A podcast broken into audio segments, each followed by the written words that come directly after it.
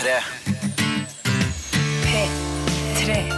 Dette er Lørdagsrådet med Siri Kristiansen. På P3. P3. God morgen, du hører på Lørdagsrådet, og jeg er da Siri Kristiansen. Du har allerede hørt eh, Katy Perry og hennes Roar. Eh, jeg har tenkt på en ting. Man skulle kanskje tro at folk som er ganske like, også liker hverandre. Altså Bare fordi ordene er like, så skulle man tro at det var noe der, men sånn er det veldig sjeldent. Altså, Jeg for eksempel, eh, er ikke så veldig glad i folk som er akkurat sånn som meg. Og det er ikke fordi jeg ikke er, liker meg sjæl, eller noe sånt. Det er bare, jeg orker ikke en til i rommet. Det blir, det blir for mye meg. Og jeg må innrømme at når jeg har møtt eh, jenter opp gjennom eh, i tida, som er, har, i hvert fall når de har de samme negative egenskapene som meg selv, så syns jeg det er forferdelige mennesker. For ikke bare må jeg eh, mislike de, som jo er en jobb i seg selv, men jeg må også eh, hele tiden bli minnet på de tingene jeg misliker med meg selv. Så det er rett og slett eh, jævla slitsomt å være sammen med folk som har de samme negative egenskapene som seg selv. Og eh, møter man sånne folk, så kan man jo skygge unna, men eh, familie det er litt vanskelig å skygge unna. Og ofte så er det folk i familien din som dessverre er eh, altfor like deg sjøl. Det er jo en grunn til at eh, det er veldig mange mor-datter-forhold der ute i verden som rett og slett ikke fungerer. Eh, Psykologer sier det. Mor-datter, det blir for nært. Folk orker det ikke. Og jeg tror jeg har ikke tall på hvor mange venninner eh, jeg har, så syns at mora si er en dott. Eh, Sånn blir det dessverre veldig ofte. Heldigvis for meg så er jeg mest lik min eh, far. Og ja, for dere som kjenner den historien, så stakk jeg han til fjells da jeg var elleve år og blei der. Så da slipper jeg å møte han i døra hele tiden, og ergo da også meg selv. Med mindre jeg også eh, stikker til fjells en gang og blir der, og det viser seg å være det samme fjellet som fatter'n. Da. da blir det jo litt vanskelig. Men altså, som du kanskje allerede har skjønt, så skal vi hjelpe en jente som har en mor som ikke er så lik seg selv nødvendigvis, men lik søsteren hennes. Og det gjør altså at hjemmet blir så surt og jævlig og vanskelig å være i. Og vi skal prøve å løsne opp i eh, rett og slett hele den problematikken. Hvordan kan det huset og den familien bli noe man holder ut med? Men eh, nå så skal vi ta et eh, lite rotak eh, bakover. Eh, Vi har nemlig fått en eh, veldig koselig mail fra en eh, noe eldre mann som vi hjalp for eh, noen uker siden. Eh, hvem det er, får du vite rett etter at du har hørt eh, Big Bang. Dette her er Fly like a butterfly, sting like a bee. Lørdagsrådet. På P3. P3. Artig gjeng det der. Big Bang, altså. Fly like a butterfly, sting like a bee. Det er så, når man ser uh, Big Bang, så tror man at de er fra uh, en helt annen tid. Men det er de ikke. De er akkurat som deg og meg. De lever i det samme året som deg og meg. Og ja da, de har hørt om internett og de tingene der. Selv om ikke det ser sånn ut. Det ser ut som om det stoppet ved skateboard, og så ga de ikke å finne ut av mer her i livet. Men det har de altså. Big Bang. Eh, vi skal til en annen gjeng som også var nokså kul. De var her for noen uker siden. Jeg snakker da om Ronny Brede Aase, Marte Sveberg Bjørstad og Rasmus Hansson, som var rådgivere her for eh, ja, noen, en liten stund siden. De eh, fikk et eh, problem i fanget som var nokså tungt. Det handlet om en godt voksen mann som hadde vært sammen med en kvinne han elsket i 20 år, og som dessverre hadde gått bort for et halvt år siden. Nå hadde han møtt en ny, fått seg en såkalt god venninne, og lurte på om det var sosialt akseptert å gå videre i livet etter såpass kort tid. Han var antageligvis redd for bygdedyret der ute, hva folk på butikken ville kunne komme til å si, derfra, dersom han nå eh, hoppet på eh, og gikk videre med en annen kvinne. Hva sier det om eh, kjærligheten til den som hadde gått bort? Er det respektløst osv.? Han lurte litt på de greiene der. Du skal få høre noen av rådene som eh, kom. Eneste du har, det, de du har litt forpliktelser overfor. Jeg Ja. har noen venner som har mistet sine.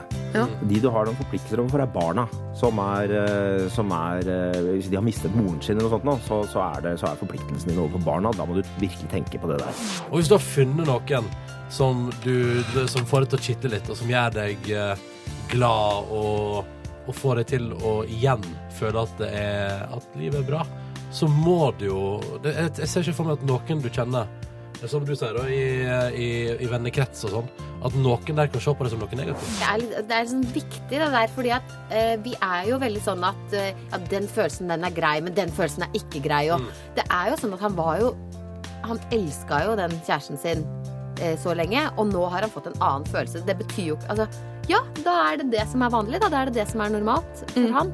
Eh, han behøver ikke å skamme seg for det. Det må, vi, det må vi slutte med. Ja, det skal være noe. Hvis du har elska noen så høyt, da må du i hvert fall sørge i to år. Det er jo ikke sånn det fungerer, da, hvis, hvis det er annerledes for han. Dette er Lørdagsrådet På P3. P3. Det var altså noen av rådene han fikk. Hvis du vil høre alle rådene, så går du altså inn og laster ned podkast fra den aktuelle sendingen. Det var så fint sagt, syns jeg. Eh, Vi har fått eh, en mail fra denne mannen som har nettopp hørt på denne podkasten. Han skriver til oss. Hei, jeg har hørt på podkast og takker så mye. Jeg har hatt profesjonell hjelp også, men råd fra medmennesker er altså eh, for meg vel så viktig, om ikke mer viktig. Har tatt i meg rådene, og de er egentlig veldig like med de som jeg i dag lever etter. Bekreftel, fra dere som medmennesker hjelper godt. Da ser jeg at jeg er på rett vei. Dessverre tok forholdet til mine venninner slutt, eh, uten at det ble bittert. Jeg ser jo at det forholdet vi hadde ikke var optimalt, eh, med min redsel for omverdenen. Nå står høsten for tur, og med den boosten jeg fikk fra dere, ser jeg fremtiden lyst i møte. Og det er uh, veldig hyggelig. Han virker som en uh, fyr som har kalt seg til, en fyr som ser opp uh, og fram, og det applauderer vi, både de som var rådgivere da, og det er helt sikker på at også dagens rådgivere kommer til å gjøre. Eh, Og hvem det er? Det får du snart vite. Enn så lenge så kan du sende inn problemet ditt til oss hvis du har et. Bruk mail eller alfakrøll nrk.no, eller SMS. Kodeordet er P3 til 1987. Men her, dette er Lady Gaga. Applaus. P3. Kjempebra tima, Einar. Ine OM var det der, When We Collide. Så deilig. Sparer den hosten til rødlysa på, jeg. Ja. God morgen, kjære rådgivere Einar Tørnquist. Forkjøla, eller bare kols? Bare, ja, kols. kols. Emfysem. Ja. Eh, Line Verndal, Ja, god morgen. Du God ser morgen. duggfrisk ut. Nei, så hyggelig at du sier det. Ikke noe kols? Ikke kols. Nei. Veldig lite kols. Ja. Erik Solbakken, du har vel aldri smakt sigaretter? Du som er eh, gardsgutt. Nei, jeg røyka strå en gang. Det var gøy. Gjorde du det? Var det sånn eh, løp ut på jordet i underbuksa som barn og tente på? Altså, vi sto, husker jeg, En av de første klassefestene så prøvde vi å tenne på strå og røyke det. Jeg tror ikke vi fikk så mye inn, men det gikk veldig fort. Det er liksom Ja. Så har du røyka ferdig. Ja. Så den pausa blir mye kortere. Så det er egentlig greit, for det er ofte kaldt i Hemsedal. Ja, Det er et problem på store arbeidsplasser at de som røyker, har mer pauser enn oss vanlige folk, som jeg liker å kalle oss ikke-røykerne. At De er ute sju minutter her og sju minutter der, så det er kanskje strå som er løsninga. Folk må begynne å røyke strå i røykepausene sine. Men Det må ikke misforstås, eller, sånn, eller misforstås si, men strå er jo det verste du kan drikke når du er i, i Alpene. Det er liksom den verste spriten der nede, som heter strå. Er det karsk, liksom? Bare øster... Nei, jeg vet ikke. Det står strå, så kan du kjøpe 40% 60% og der stopper det vel. Men det, det bør stoppe før man øh, kjøper strå med H til slutt. Eh, men eh, har vi det bra? Er det noen som har noe de vil eh, fortelle sånn på morgenskvisten? Er det noen som har opplevd noe nytt siden sist? Eh, nei, ikke i dag. I dag. Jo, det var jo omkjøring eh, i Sinsenkrysset. Nei. Jo, det Det var var det. ikke når jeg kjørte gjennom Sinsenkrysset. Er det sant? Det var avkjøringa fra Trondheim. Dette er interessant for lytterne. Ja, ja. Fra Trondheimsveien når du går i nordgående retning, så kunne jeg ikke ta av ut på uh, Sinsen eh, rundkjøringa der. Nei. Så jeg måtte snu opp på Årvoll. Å nei.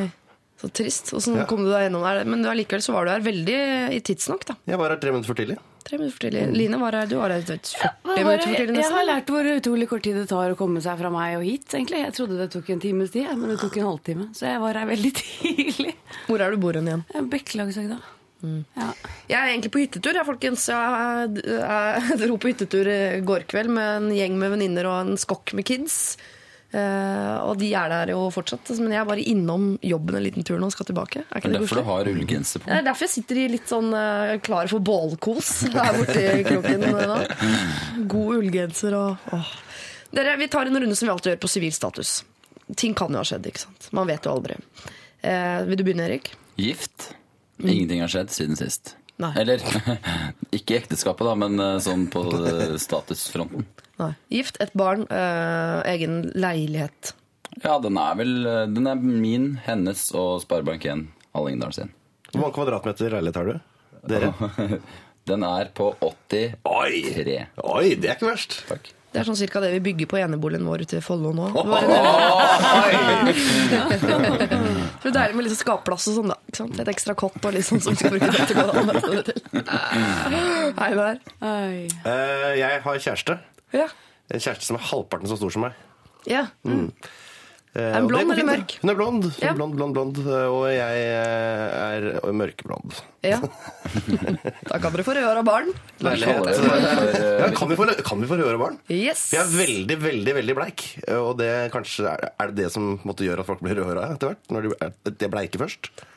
Nei, det er ofte hvis, egentlig så er hvis far har mørkt hår og mor har lyst hår, eller omvendt, da, så er det ofte at man får rødhåra barn. Eller hvis en er rødhåra, da, selvfølgelig. Jeg har hørt at rødhåra skal bli utrydda av, av gen. Av hvem? Ja, at det ikke vil forplante seg. At det vil slutte å bli lagd rødhåra barn etter 2050 eller noe sånt. Det har jeg hørt det. Oi. Tenk Har på vært alle på de Facebook-profilen til Mugabe igjen nå, eller hva er det? Vi er Facebook-venner. Det er noe med genetikk som ikke jeg forstår. Jeg har bare hørt det. Det burde jeg skjønt. Jeg har jo tatt det faget der på Men uh, var det X-ron og Y-ron og greier? Husker Ja, det var ikke. det. Ja. Ja, ja. Eh, Line, Ja, eh, jeg har kjæreste eh, fortsatt. Eh, fortsatt i Sverige, eller? Fortsatt i Sverige. Ja. Ikke ukomplisert dette med Sverige, Norge og barn i hver sin by. Nei. Hvert sitt land. Eh, Hvert sitt land nå, for så vidt. Ja. Og vi bor i leilighet på Bekkelagshøgda, som jeg ikke aner hvor er hen. Men det er i Oslo, da. Det er mellom Ekeberg og Nordstrand. Ja. Oppi der. Oppi der. Over tunnelen der. Ja. I sveitserosten, som de sier. Nå kan det ikke være flere tunneler enn Ekebergosten, for da detter den sammen. har jeg lest. Leser bare overskriften, så ikke spør noe mer. Det ble såpass uinteressant nyhet at jeg bladde videre og fant noe med mer blod, da. Eh, vi skal ta noen fine problemer i dag, og jeg vet jo, dere har vært rådgivere før alle tre, så jeg vet at dette her blir eh, kjempefint. Men til deg som hører på, eh, så er det plass til flere problemer, så da må du gjerne sende de inn til oss. Da bruker du mail, det er jo gratis. Eller alfakrøll.nrk.no, eller så kan du svi av ei krone på SMS. Da er kodeordet P3, og nummeret er 1987. Lørdagsrådet På P3. P3. Team Me With My Hands Covering Both of My Eyes I Am Too Scared To Have A Look At You Now. Jeg hørte dere, og med meg som rådgivere her rundt meg en ring har med meg eh, Erik eh, Solbakken med caps. Aldri sett før. Hører du ikke? Nei, så det var fint. Det syns jeg er kult, eller var det liksom Nei, men Det er litt sånn sparkjøpform på capsen. Så den er litt for firkanta. Jeg lurer på om ansiktet ditt hadde vært tjent med en noe rundere caps. Ja. Skjønner du hvor jeg vil? ja, men eh, det er bare sånn, det. Ser du? Ja, sånn. Bremen sånn. Det var ikke så dumt, det. Så. Einar Tørnquist med sin eh, Bart. sin bart, ja, som vi alle kjenner til. Du, kan, du vet at du aldri kan ta den bort nå, uansett om du måtte få psoriasis der inne. Du kan, det kan du si, men jeg tok den i sommer. Jeg hadde helt bartefri sommer. Jeg. Oh, ja, og det fungerte fint. Du. Fullstendig kamuflasje. Det er helt ugjenkjennelig.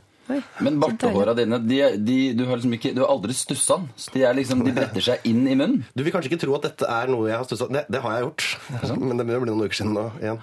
Men Jeg gjør det ikke pent, jeg bare gjør det. Ja. åssen er det? Jeg har aldri kyssa noen med bart. Har du det, Line Warndal? Eh, ja, Det kommer an på hva slags eh, type hår man har i ansiktet. Noen har myke, myk, mykt hår, andre har sånn hardt. Og det med hardt er ikke så gøy. Hvor mange har du klina med? egentlig med rett og slett.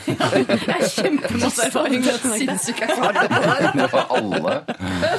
Det er, best at den har litt lengde, for da er det mykere enn hvis den ikke har så mye lengde. Oh, ja. Eh, nå snakker jeg om bart. Er det mulig å gi ut en bok om dette, Line? Jeg syns det. Kjenn på håret til, henne. da. Jeg vil helst ikke ta på ansiktshårene der. Helst ikke vil jeg det. Vi får ta ringe deilig, etterpå og høre åssen det er. Med henne sende inn som problem eventuelt, hvis det er det, da. Eh, Dere, vi skal ta et eh, problem. Eh, Jeg leser mailen i sin helhet. Um, Jeg må bare begynne med å si at min mor er fantastisk.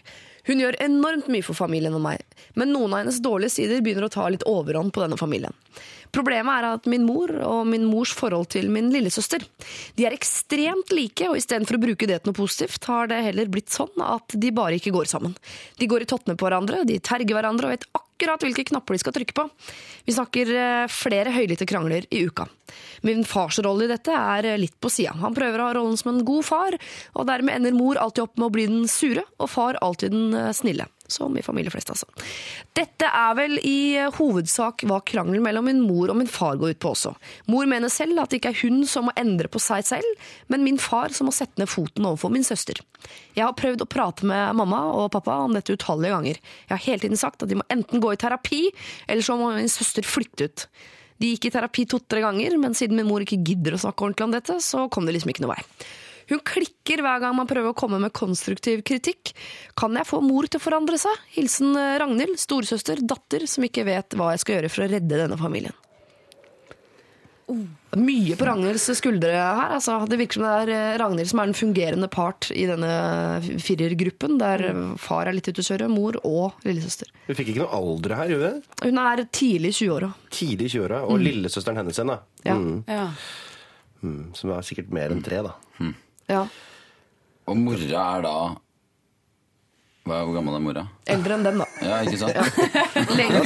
Tar som- Tidlig 20-åra pluss kjønnsmoden, og så Meg, da. For meg, kanskje. Eller Sånn litt den, ja, Nei, ikke, så, vi, kan ikke, vi kan ikke se for oss mora at det er liksom det der. Nei, det. Nei, for da, alt det vi sier da, blir så personlig. Ja, unnskyld. Og så får du all støtten. Ja.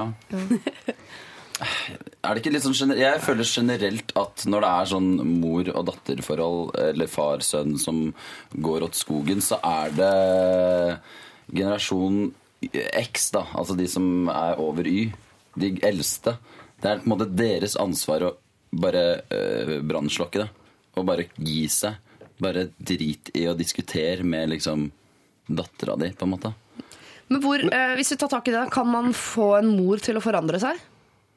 Som det datter? er vanskeligere, eller er det vanskeligere eller lettere enn datter? Datter er jo på en måte, skal fortsatt formes, men mor skal jo være voksen nok til å kunne gjøre det. Jeg har hørt at man er ferdig forma som 18-åring. Det eneste som kan utvikle seg etter det, er empati hvis man opplever noe forferdelig eller blir mor. Oi, ok. Oi. Bortsett fra det så er personligheten din meislet i stein. Men jeg tror at det fokuset på å forandre seg, det er der eh, feilen ligger. da, Når det, når det blir sagt at, eller blir skrevet at eh, hun tar ikke konstruktiv kritikk. Og alle som, vei, alle som kjenner til de to orda konstruktiv kritikk, vet at det er kritikk. Ja. Og det er ofte kjipt for folk flest å, å ta til seg. Så, så det det kanskje mer handler om, er, om, er at de må bare drite i å krangle. Ja. De må ikke komme dit at dere krangler. Og der føler jeg at det er moras ansvar. Så det, kanskje det de kan pushe henne på, er at nå må du gi deg å krangle. Da må du gå ut av rommet eller snakke om noe annet. Eller ikke oppsøk den krangelen hver gang, for det bare tærer på hele familien. Og så kan det jo umulig være veldig mange år igjen av denne datterens uh, at, at hun skal bo i det huset. Hvis de er oppe i sånn 20, drar seg mot 20. Ja, og hun foreslår allerede at lillesøsteren skal flytte ut. Det syns jeg Ja. i seg selv kanskje er litt sånn Ja. Ja, Men da er det, ikke, er det ikke da bare å liksom lukke øya de siste par det halvåret, året før man flytter hjemmefra? og... Men hun, er jo, hun ønsker jo at familien De må jo møtes innimellom Ja, det for det. Altså det er plutselig det er En fårikålsesong vil dukke opp, og jul kommer også en gang i året. De må jo fungere sammen.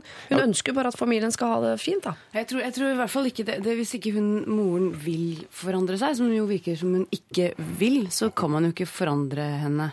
Nei. Det Men kan hun da gå på søstera? Problem løst! ja. Men kan hun gå på søstera, som jo er yngre enn mora? og Men det da- gir seg vel, gjør det ikke det? Hun er jo så ung. Ja. Eh, Det roer seg jo med, med åra, gjør det ikke det?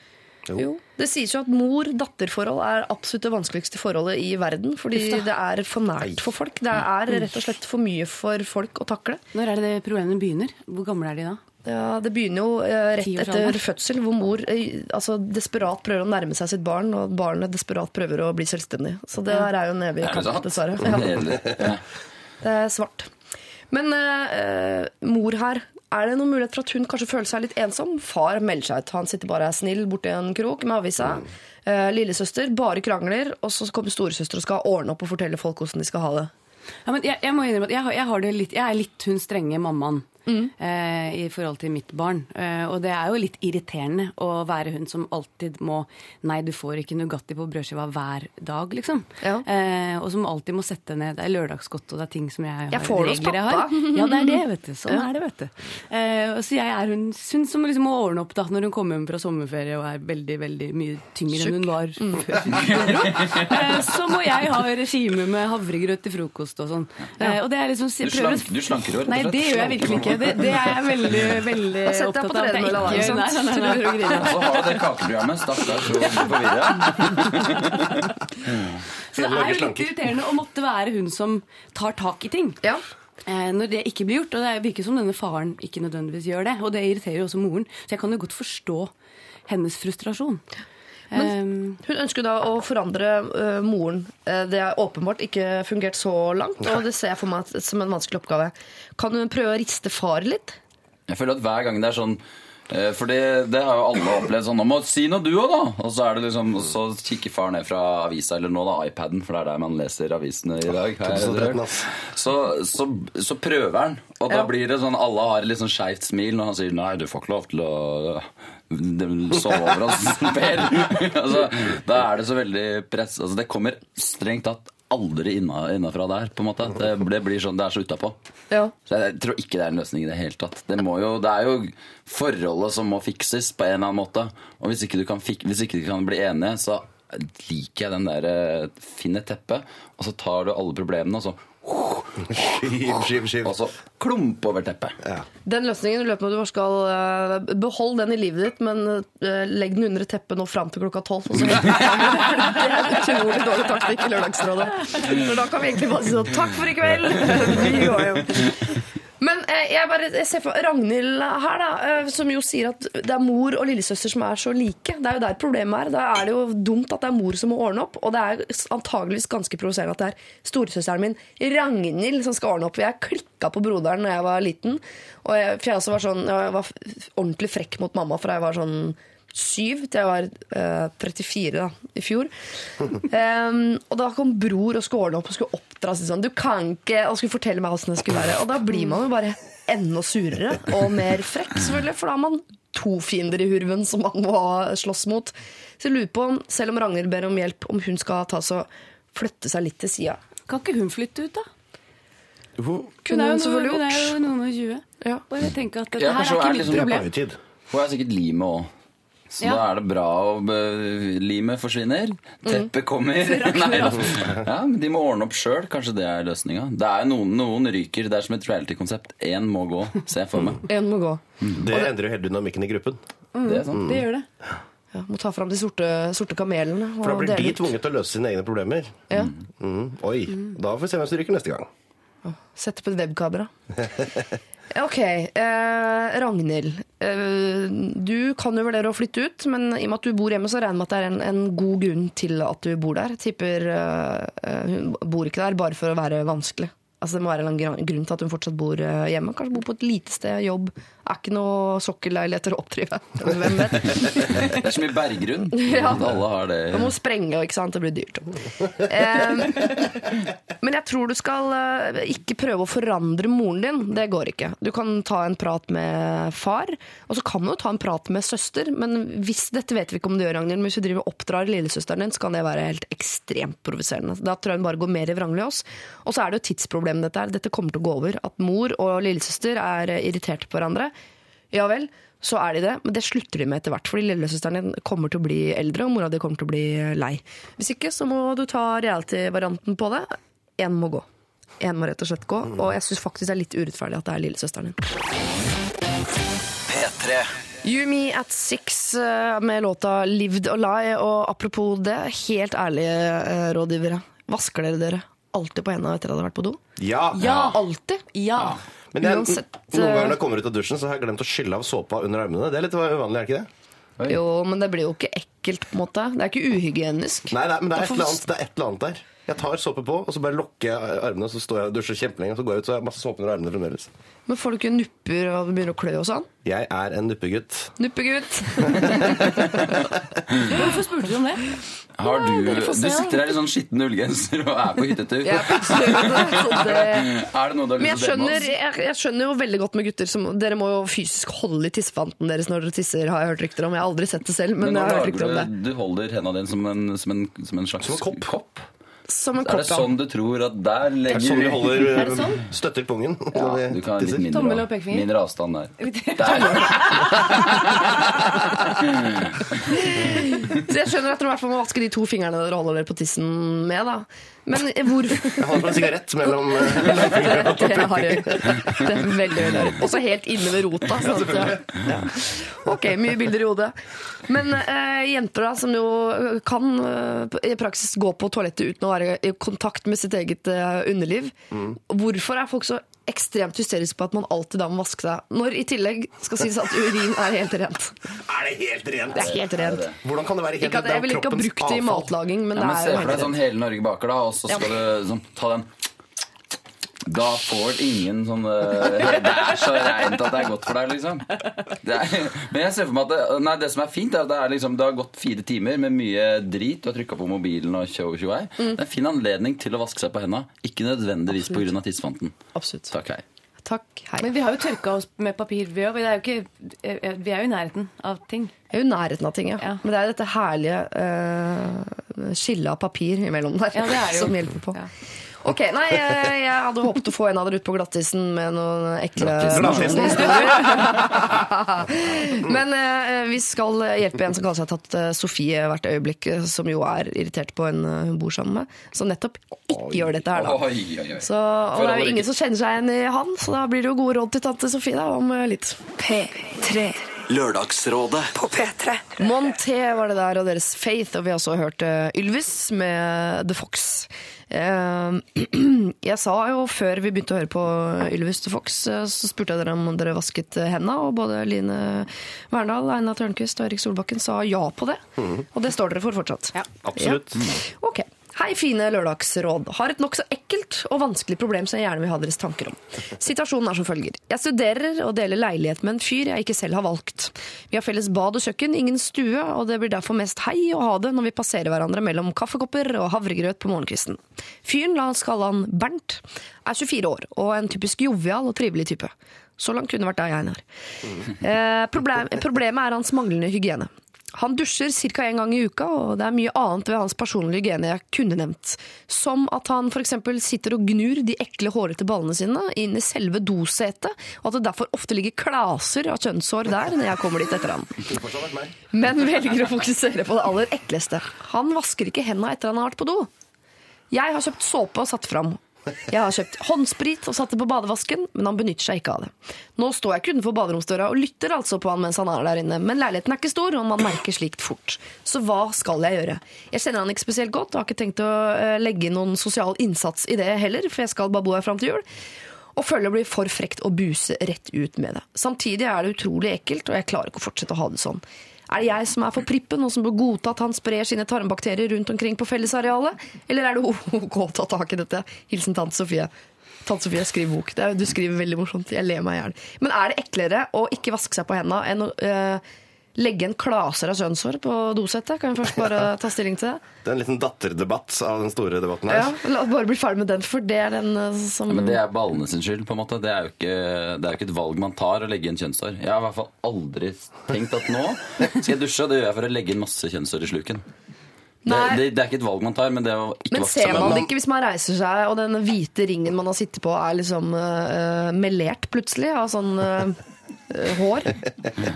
Altså, jeg pleier jo å ha altså, Hvis jeg sitter på do, da, Ja. så pleier jeg å ha tingene nede i do, ikke oppå ringen. Nei, men det gjør tydeligvis Bernt, da. Det er Han veldig rart. tisser. Hva gjør han Ja, da? men står og tisser, og så drysser det altså så mye at det legger seg et slags lite teppe på Stakkars, han har psoriasis rundt, rundt penis, ikke sant? La oss si det. Nei, ok, Men eh, hun syns eh, han er ekkel og vil eh, få en slutt på det. Åssen gjør man det? Jeg, jeg, jeg er jo av de renslige. Jeg syns det er, også er kjempeekkelt at man ikke vasker seg på hendene. Ja. Da tenker jeg at det er alt han tar på etterpå da, er full av eh, Så jeg, jeg, jeg har jo også opplevd å lære folk å vaske hendene, for å være helt ærlig. Jeg har faktisk stått og lyttet utenfor eh, dodøra og har hørt om de har pusset eh. For Trikset er at man setter på vasken og later som man vasker hendene. Som jo i praksis tar akkurat like lang tid som å vaske Men seg på hendene. Man føler likevel allikevel at man har lurt samfunnet. Det gjør man man bare for, å, for å, at ingen skal høre at du fjerter. Å ja, er Ja, det det er det? er derfor. Ja, fordi, fordi, og jeg, jeg, jeg mener jo at hun Han må jo lære seg dette her. Han er sikkert singel, eh, skulle jeg tro. Og han har sånn dessverre ikke lært dette her av moren sin. Og det, alle mødre der ute, lær eh, sønnene deres å vaske seg. Unnskyld meg. Det er mange som ikke gjør det. Det der med kjønnshår, da, hva, hva gjør mødrene da? Det har lært av far.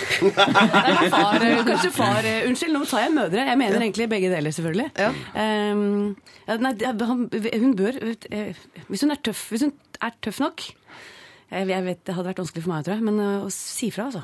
Altså, mitt forslag er å skylde på seg sjøl. Det, er jo- det er jo en helt fair greie å si til en annen person at ok, jeg er ekstremt opptatt av hygiene. Mm. og jeg har lagt merke til, derfor det er sånn klassisk meg, mm. at du noen ganger ikke vasker deg på hendene, og at det noen ganger er kjønnshår i en sånn deilig I hele karmen hvor jeg skal sette meg ned.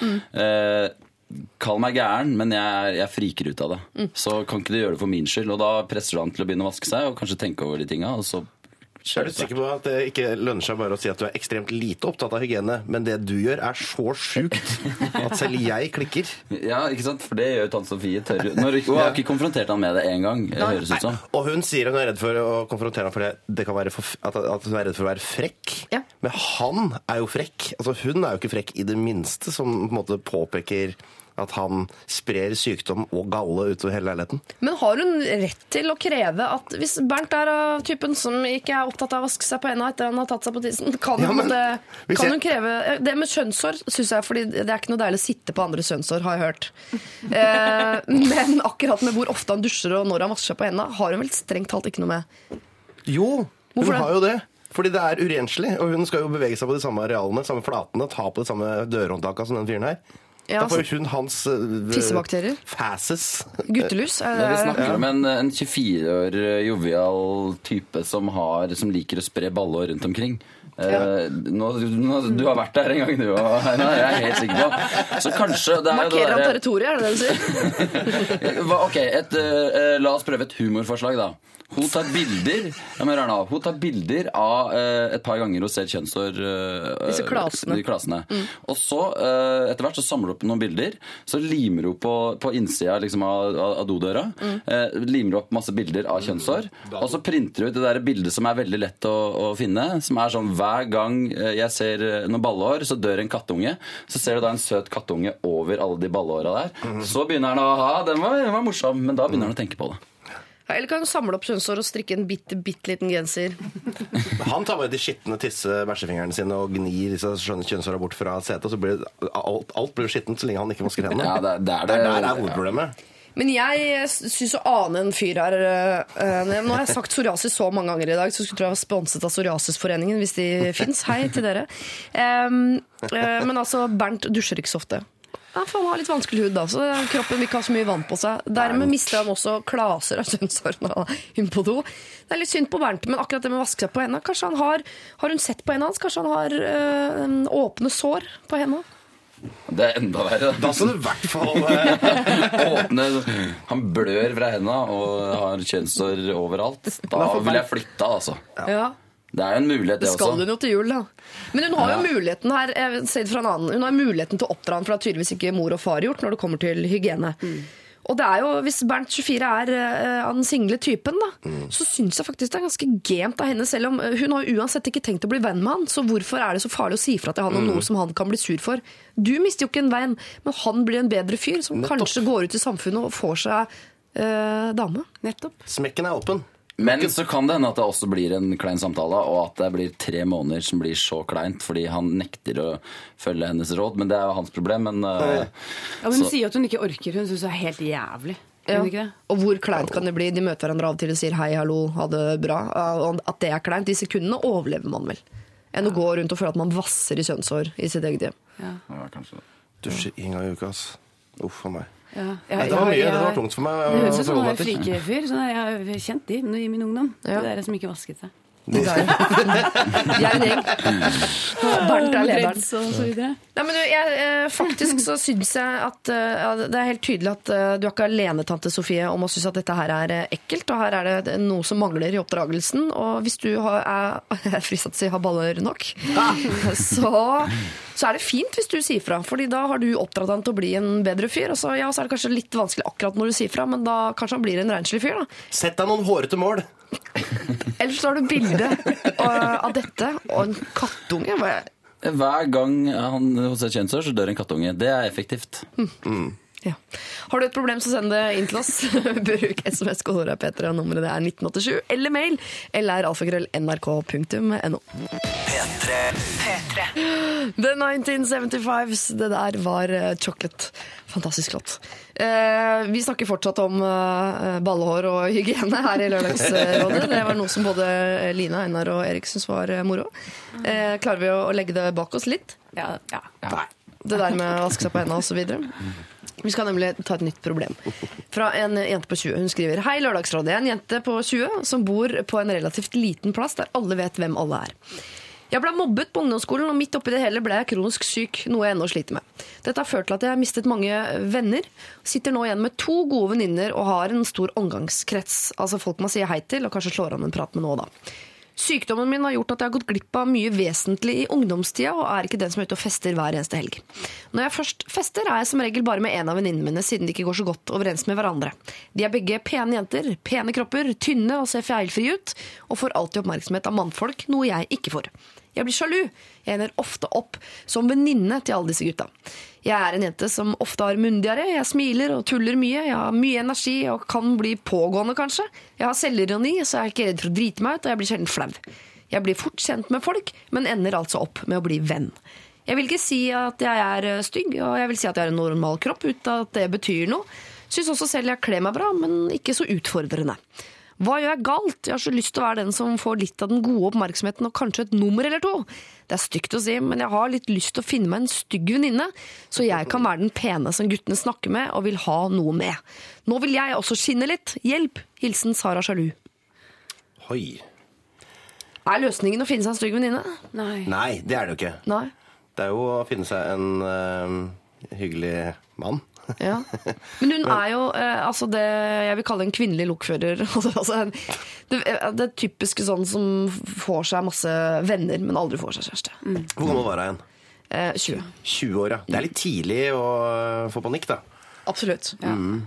men hun ser jo at disse pene venninnene de, de får seg et eh, nummer her og et nummer der, og guttene er eh, kine, og i det hele tatt så sitter hun der og er sånn gagge-venninne. Men det høres ut som at de venninnene hun har, er De høres litt kjedelige ut.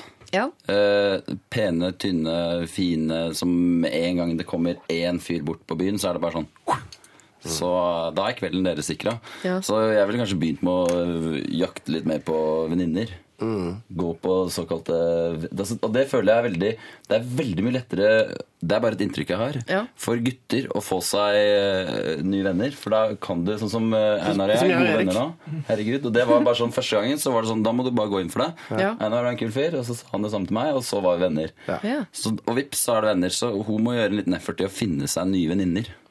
Men hun bor på relativt liten plass, har to gode venninner og en stor omgangskrets. Jeg synes Det høres ut som nesten mer enn man kan be om her på et lite sted. Jo, men Går jo bare ut med de to tynne, pene som En og en. Og på en liten En plass er de to pene. De er populære, ass. Mm. Mm. Ja, Hva med å begynne å studere i en annen by? ja? Flytte på seg. Jeg Hvor tenkte ikke, på det. alle, hvor ikke alle kjenner deg. Da får du nye venner. Og, på et lite sted så vet jo alle hvem alle er. Alle, vi vet jo sikkert hvem alle gutta er òg.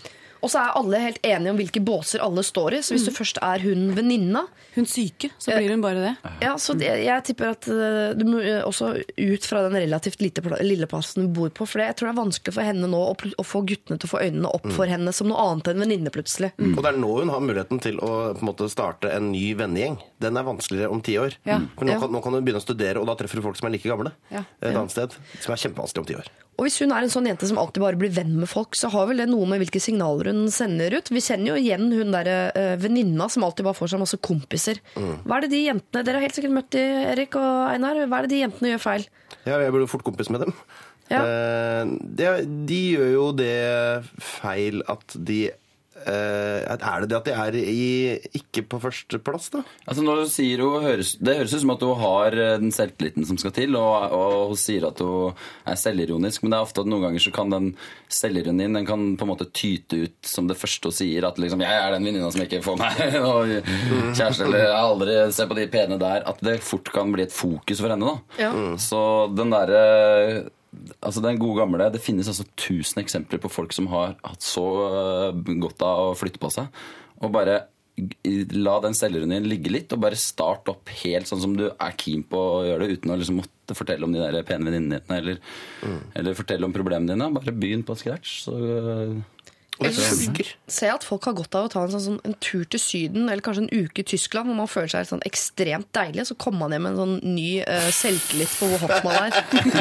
Sånn, jeg, altså, jeg dro til Tyrkia lå med seks stykker på en uke. Jeg er lite deilig. Så kommer man, tar man det med seg tilbake til bygda.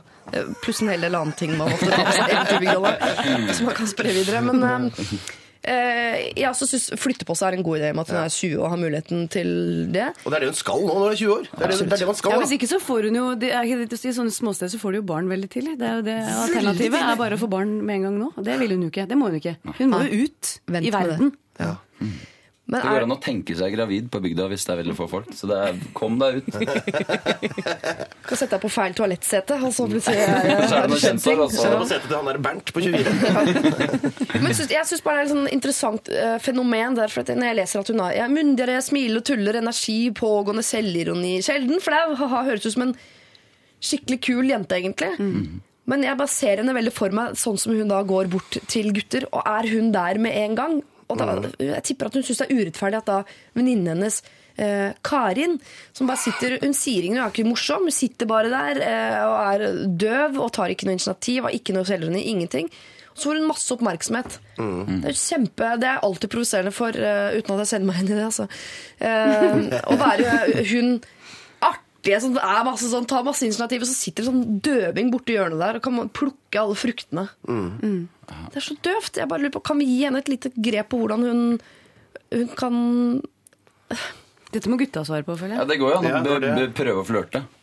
Og det er jo andre måter å flørte Hvordan gjør på man det, egentlig? enn å det, er- det, er- det er der du skal komme Ja, nei, det med ekspertise. jeg er synes det er vanskelig Kan ikke benytte seg av den der, at du bor på et lite sted da, hvis du ikke har tenkt å flytte. Det er å få satt ut et eller annet rykte om seg sjøl at du er helt sjuk i senga. For eksempel. Den er fin. Det, funker. det kan man starte, sånne rykter kan man starte selv. Ja. Tenker du på Få- s- Stokkestokken, Vi eh, tenker som på Einar satte ut en gang Stokken på til tidlig 90-tallet? Ja. Tidlig 90-tallet. Ja, du var jo bare 7-8 år. Tenkte at jeg må begynne tidlig. Ja. Sånn gjør jeg det i hvert fall. Sette ut et rykte om deg selv, ja. Det er selvfølgelig mm. en mulighet. Eh, men det er ingen som mener at hun skal gå og få seg en stygg venninne. Nei. Nei, nei, nei. Nei, det er jo ikke Det, det snur ikke på noen ting. Altså, det høres ut som det er et savn både med det å få oppmerksomhet øh, blant gutta, men også å få seg litt kulere venninner å henge ut med. Og det høres ganske dølt ut å dra ut med ei av venninnene liksom annenhver fredag. Eh, så det er liksom to ting å gjøre, og da tror jeg, det, jeg tror det er best å begynne med venninnene. Fordi da kommer den der Er du den rette gjengen, så trenger du kanskje ikke å øh, konse så sykt mye på flørte heller, for da er det sånn Oi, en kul venninnegjeng, og så plutselig sitter det en pode fra Stokke der og bare Hello. ja, ja, det jeg hørte et rykte om meg sjøl, om at jeg er Stokkestokken. Har du hørt rykte om meg? Men altså, eh, Sara Sjalu, alle her er nok enige om at eh, en god idé kan være å flytte på seg fra den relativt lille plassen. Fordi både vil du merke på nytt sted, og det er ikke så lenge til eller opp i alder, at plutselig så er det ikke bare det der med å være penest i gjengen som er det viktigste. Det begynner, Gutter våkner i en sånn alder av ca. 25 begynner dere å utvikle hjerne. Det er veldig koselig for dere. Og hvor, som er en hjerne som er opptatt av andre ting enn bare hvem som er eh, hun fineste i niende-aktig. Hun jobber nå på Manglerudsenteret og er negledesigner. Da er det mye mer eh, Sara, eh, Sara Jalu her, som er på en måte den, den man vil ha. Så du må bare holde ut, men kanskje ikke holde ut på den relativt lille plassen hvor du bor. Og tenk på at de der pene venninnene dine de piker i livet nå. Om fem år kan du le av de. Da har de seks unger, går på eh, Grete Rode og i det hele tatt. Så kan du le av dem hele veien hjem. Eh, du kommer til å skinne. Eh, lykke til. og Jeg gleder meg til å høre åssen eh, det går. Lørdagsrådet På P3. P3. Enn vi var, Hvem var det som hosta denne gangen? Var det deg, Erik? Det er bare Line Verndal igjen som ikke har hostet høyt. Enn vi hørte vi altså før denne hosten med Am I Wrong? Og så har vi også hørt uh, Margaret eh, Berger sammen med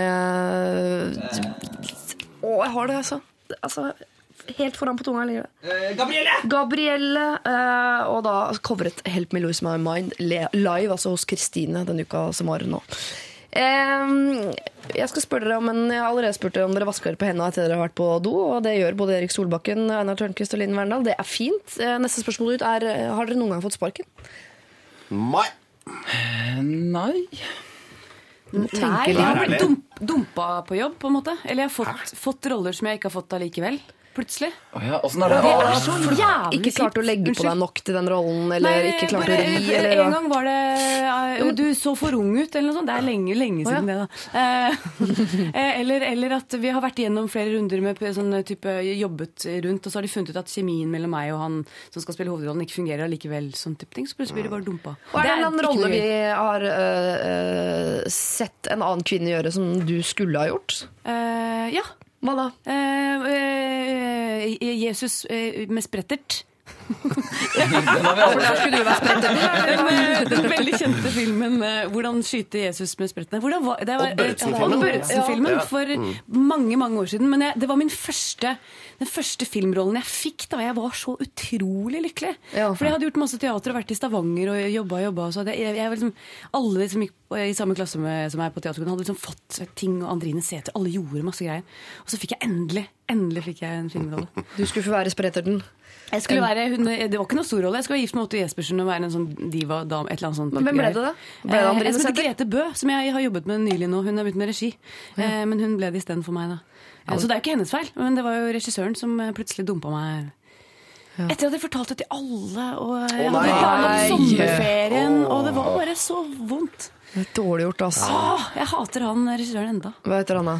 Jeg husker faktisk ikke. Steinar et eller annet. Ikke si Petter Næss, for han er gjest sånn neste. Ja. Det er ikke Petter Næss. Han er ikke sånn. Han skal rådgiver her neste lørdag, så da er bare- Dust. Ja. Steinar med cowboyhatt. Ja. Han med cowboyhatt. Ja. Ja, Steinar annet. Albrigtsen tenker du på, eller? Ja, der er det! Eneste Steinar med cowboyhatt jeg Altså. Yes. Ja, mye å lære mye her eh, i dag, Han har gitt oss, gifta seg. Ja, ja. Gratulerer. Gratulerer, Steinar. Stå på! She belongs to the wind. Hvordan er hestehalen, egentlig? Vi skal høre Bring Me The Stein Leikanger. Ja, det heter Stein han. Leikanger. Ja, men vi outa han, da. Det fortjener han, føler Håndballkeeper, jeg. spør du meg. Ja, Stein Og i mål! Stein er Leikanger. ok, greit. Eh, hvis du har et problem du vil sende inn til oss, så gjør det på mail gjerne. Eller alfakrøll.nrk.no. Altså LR for Lørdagsrådet. Alfakrøll NRK. NO. Eller så sender du eh, SMS, kodeordet er P3 til 1987. Og vi skal altså hvert øyeblikk hjelpe en som har fått eh, sparken. Men vi må høre hele Kenny Feel My Heart først. Dette her er Bring Me The Horizon. Can you feel my heart, var det der Bring Me The Horizon og eh, Lørdagsrådet, som jo du hører på nå, består i dag av eh, Einar Tørnquist, Line Verndal og Erik Solbakken. Sitter her. Eh, vi skal altså inn i Sparken-land. Det er en her som har fått sparken og skriver Hei, eh, LR. For et par uker siden fikk jeg sparken, og det var rett og slett min egen feil. Ingen andre. Jeg fucka opp. Det var en meget bra jobb med høy status, status og gode utsikter. Det største problemet er at jeg ikke tør å fortelle dette til mine foreldre og mine venner. Til nå har jeg brukt som grunn at selskapet ikke var riktig for meg. Men jeg vet at det skurrer hos de fleste. Jeg var jo storfornøyd fram til nå, så hva gjør jeg? Ha en fin helg. Oi, vi vet Ja. ikke hva, hva, hva, hva han gjorde? Er, var, Ja. Vi vet ikke hva han gjør, eller hva han jobbet med, men han har ljugd til foreldre og venner og sagt at uh, han sa opp, men han har jo i praksis altså, han har fått sparken. Vi vet ikke hvorfor. Nei, Nei. han fucka opp. Han dreit seg ut. Sikkert stjålet. Ja. ja.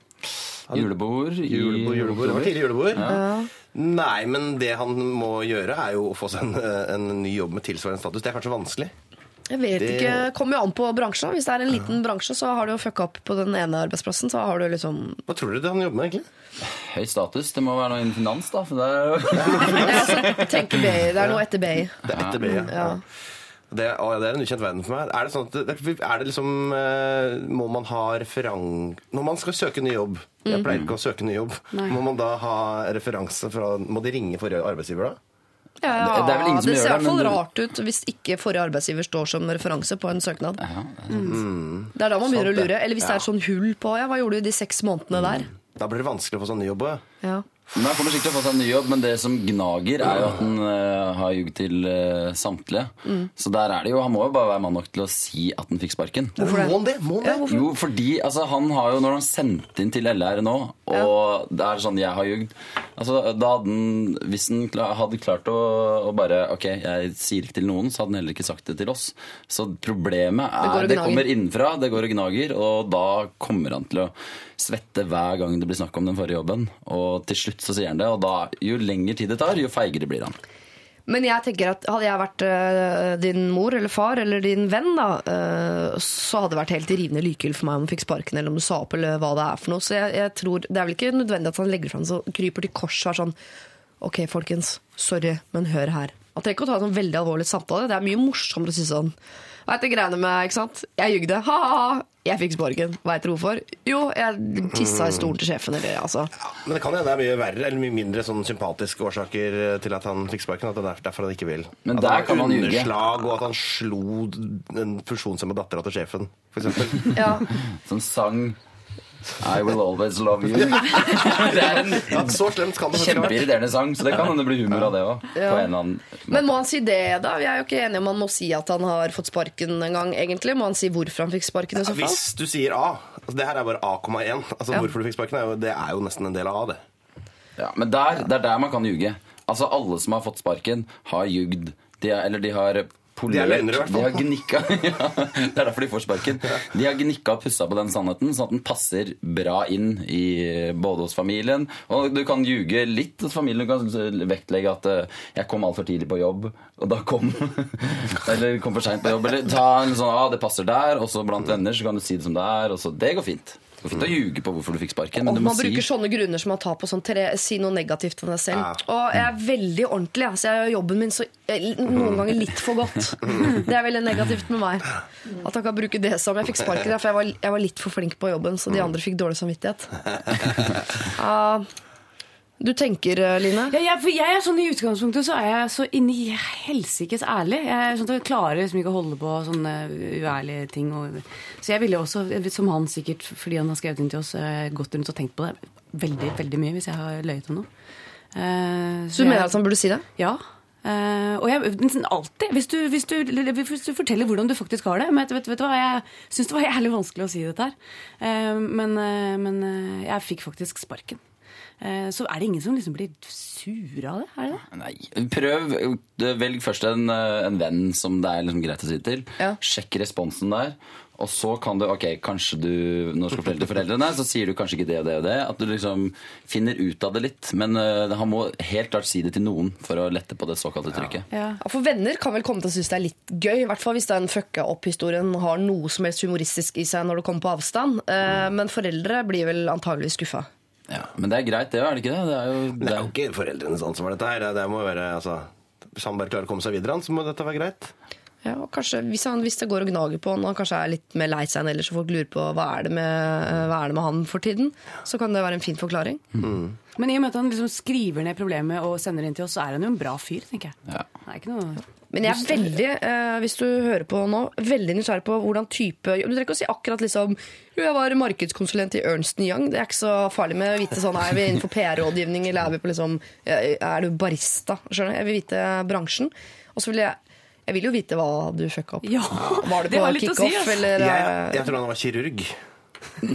Og, Ja, da å fucke opp, det, da er det noe med tre bein her ute. Jeg glemte en bomullsdott i aorta-aktig. Ja. Eh, Vi vil vite hva du har eh, gjort gærent, og hvor du eh, jobbet. Eh, Det må vi få som en slags betaling for de gode rådene vi allerede har gitt, som er eh, at du eh, må si fra, men si fra først til en eh, venn.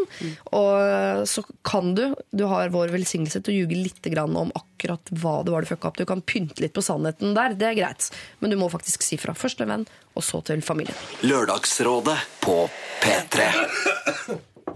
Einar Tørnquist tok en eh, host ut av eh, låta som heter Royal, som vi også hørte rekkes opp sammen med Robin eh, og deres The Girl and The Robot. Jeg smørte akkurat inn leppene mine, de bitte, bitte små leppene jeg har midt i fjeset, som ser mer ut som et hull i ei kule. Med noe som heter nipple ball. Altså en krem som eh, fra produsentens uh, initiativ er ment for brystvorter, men som jenter nå i hopetall bruker på leppene sine. Og da våknet det noe hos deg, Einar. Det stemmer. Jeg har en kjæreste som også bruker eh, brystvortekrem på leppene. Ja. Og så er på en måte da mitt spørsmål til Lørdagsrådet.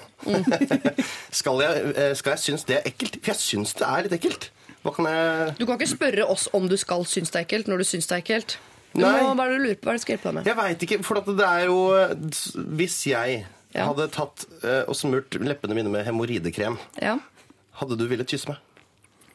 Og det, vi har langt større problemer eh, oss mellom der på kyssefronten. Eh, så litt hemoroidekrem fra og til. tror Er det ikke alle, alle kremer? Det er jo bare fett, er det ikke det? Jo, jo, jo, jo, Jo, alle kremer fett. er bare fett, men vil du kysse noen med hemoroidekrem? Ja. Men unnskyld er- meg, eh, er det, er det ikke forskjell på rumpehull og brystvorter?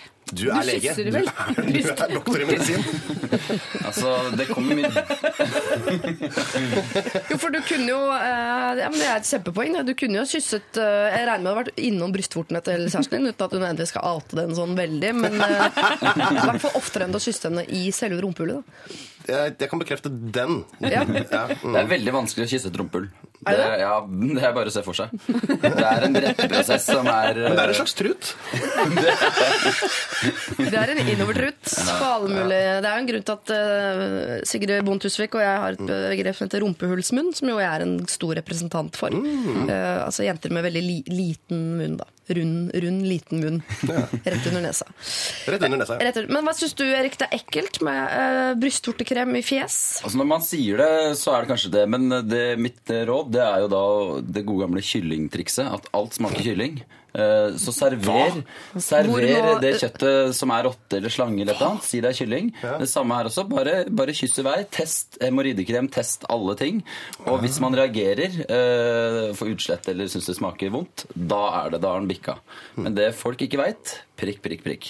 Ja, sant det. Ja, fordi det er jo, Når du reagerer på rumpekrem i fjeskrem, det er ikke sånn at man smører seg inn Det er jo ikke at Rumpekrem er ikke en krem lagd av rumpe. Nei, jeg vet det, men den har navnet. Den er lagd til, Ja, den er ikke lagd til av. rumpe, og derfor tenker du at den har noen rumpekvaliteter. Tenker du ikke det, da? At den har eh, noen rumpekvaliteter, den kremen? Jo, men eh, en rumpe, da tenker man babyrumpe, den fineste huden i Tenker man verden. Jeg vil ha den i babyrumpe? fjeset. Tenk, Når du hører ordet rumpe, tenker du babyrumpe, den fineste huden i verden. Ja, jeg Nei, det tenker ikke jeg, altså. Jeg Nå sitter mannen din og smiler. Ja. Det er der vi Norge hverandre. jeg har den glatteste baken. Jeg er jo ikke uten grunn til at jeg kaller eh, min mann for eh, Mr. Foxy Follo, og sier at han har den fineste rumpa i Follo og meg, da.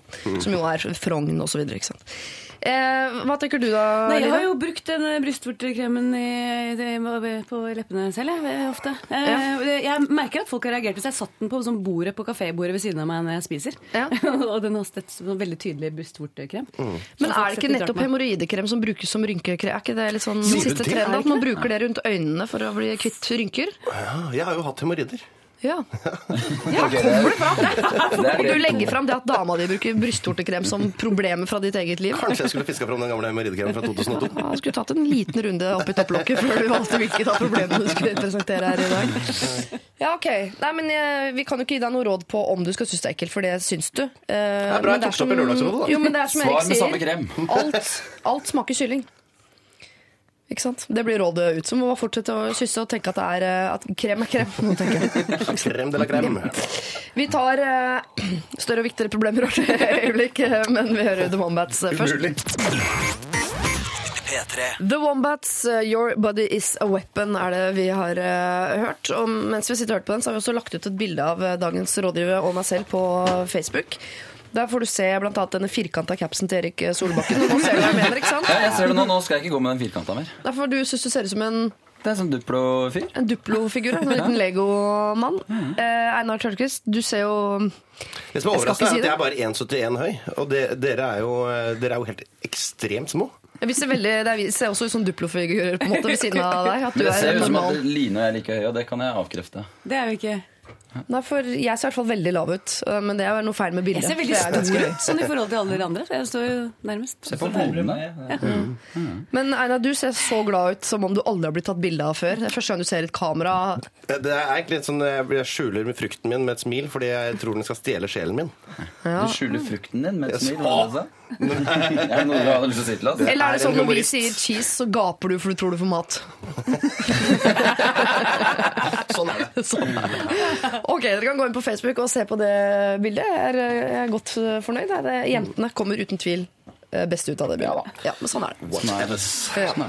Vi skal eh, inn i en eh, eh, verden som er nokså amerikansk. Jeg leser. Jeg har nå kommet i den alderen at flere av mine venninner har startet produksjon av baby.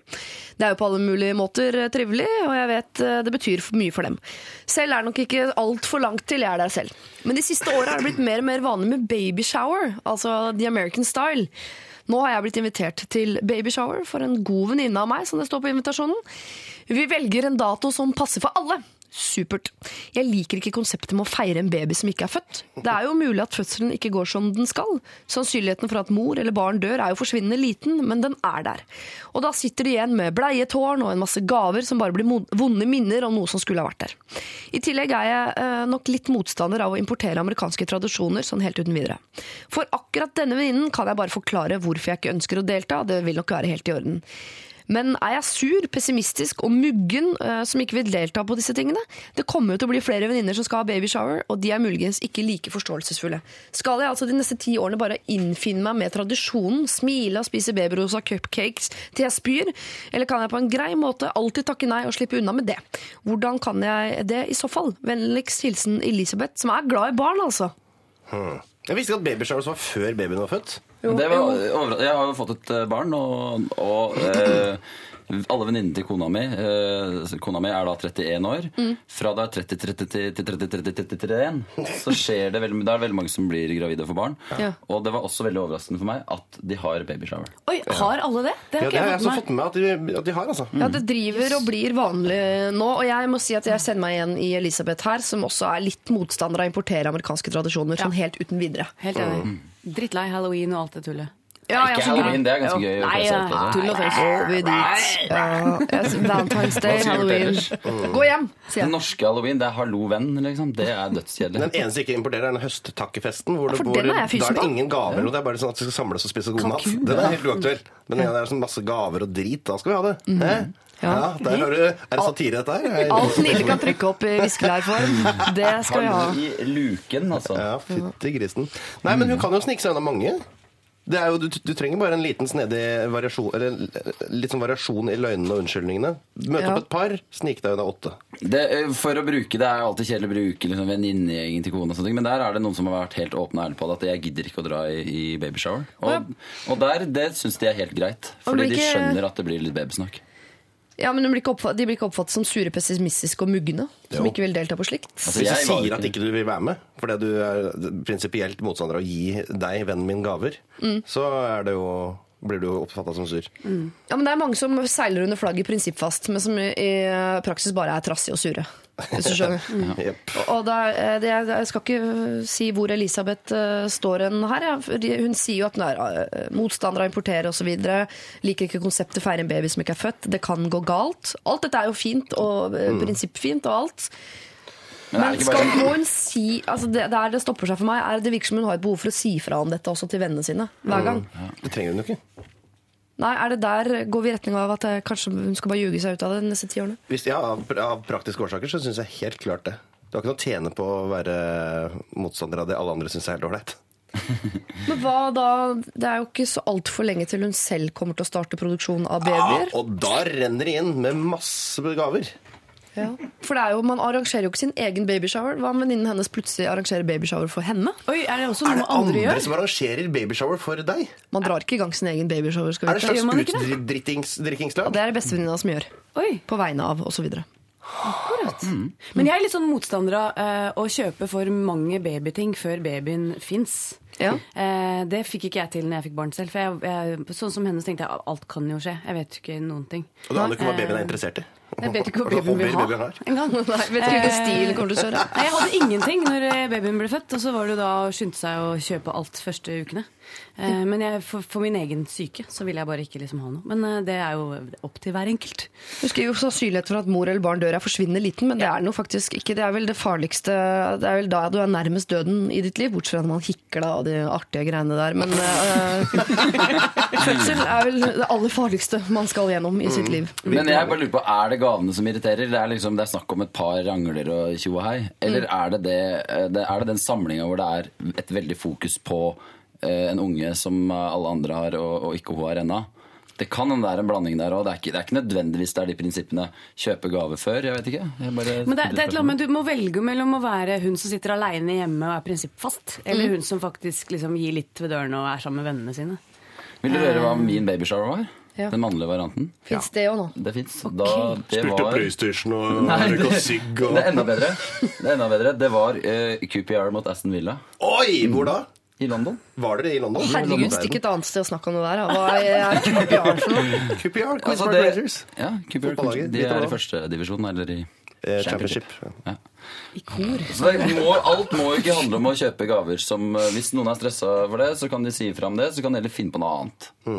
Ja. Hun er jo mot, hun er jo mot konseptet babyshower. Og jeg mener at ok, eh, Hun kan godt bare møte opp for å være grei. Det er jo ikke deg det handler om, det er venninnen det handler om. Hvis hun har lyst på babyshower, så er det din plikt som venninne å stille opp. Det kunne jeg ment. Men jeg mener også at hvis ingen gidder å være motvekten til uh, å importere amerikanske tradisjoner sånn helt uten videre, så får vi et samfunn som, hvor ba, alt er cupcakes og rosa, og det står 'I love my man' på alle bodies. Og det, altså, det kommer til å bli eh, et grusomt samfunn. Vi er nødt til å ha sånne trassige skråstrek prinsippfaste Elisabeter som går ut og sier sånn Vet du hva, jeg gidder ikke å være med på det uh, fjaseriet deres. Men kanskje du skal vente, vente til det er hennes tur, egentlig. Og så kan du si sånn eh, nei, nei takk, jeg vil ikke ha noe babyshower, for jeg syns ikke det er så kult. Eh.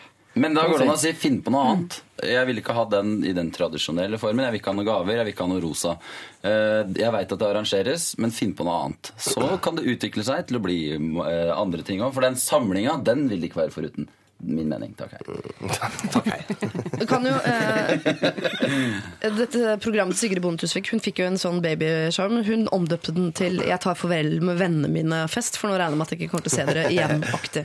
Men hun fikk jo bleiekake og alle de tingene der, men det tror jeg hun fikk bare fordi eh, man vet at hun hater det, og da får man mer av det. Sånn er det bare. Men Elisabeth, du skal selvfølgelig ikke ha babyshower eh, for ditt eh, barn, så det må du si fra til vennene dine. Jeg vil ikke ha det, for jeg er imot de amerikanske tradisjonene der.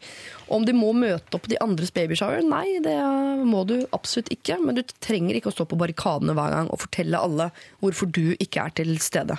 For det er faktisk ikke deg det handler om, dette her. Eh, har du et annet problem, eller hvis du har det samme problemet, artig det, så da må du også sende inn det selvfølgelig.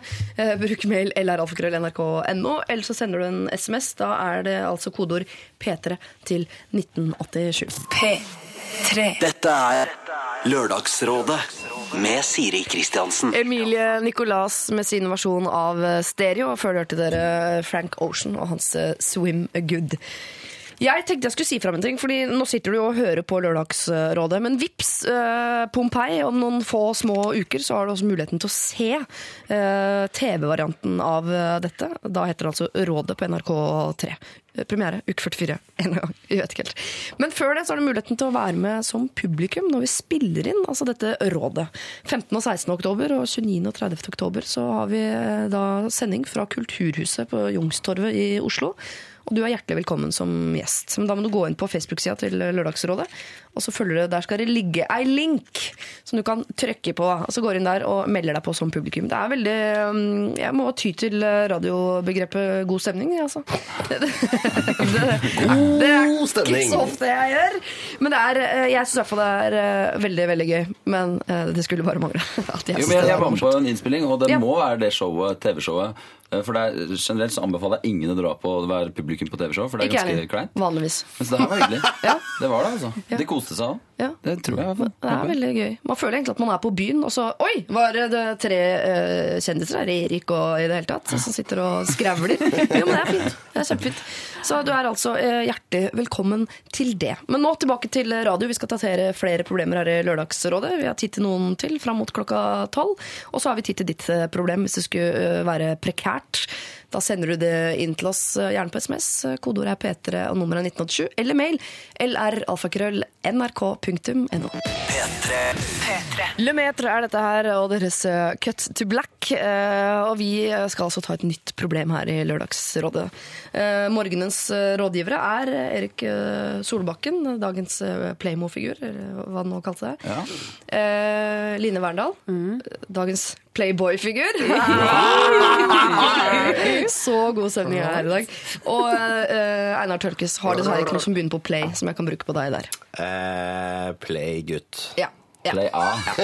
Ja, Det var punchen, da. Ikke sant? Eh, vi skal ta et eh, problem her, som sagt, og jeg leser altså. Hei! Jeg har i høst begynt å studere realfag på universitetet. Trives for så vidt godt med studiet og klarer meg så som så faglig. Fagene jeg tar er vanskelig, og jeg er avhengig av å jobbe sammen med folk. Her kommer problemet. En av jentene på studiet har vist eh, utpekt meg som sin personlige privatlærer. I begynnelsen var vi på likt nivå faglig, og det var greit å jobbe sammen, men nå har jeg dratt fra. Antagelig fordi hun er mer interessert i Instagram og Snapchat enn pensum.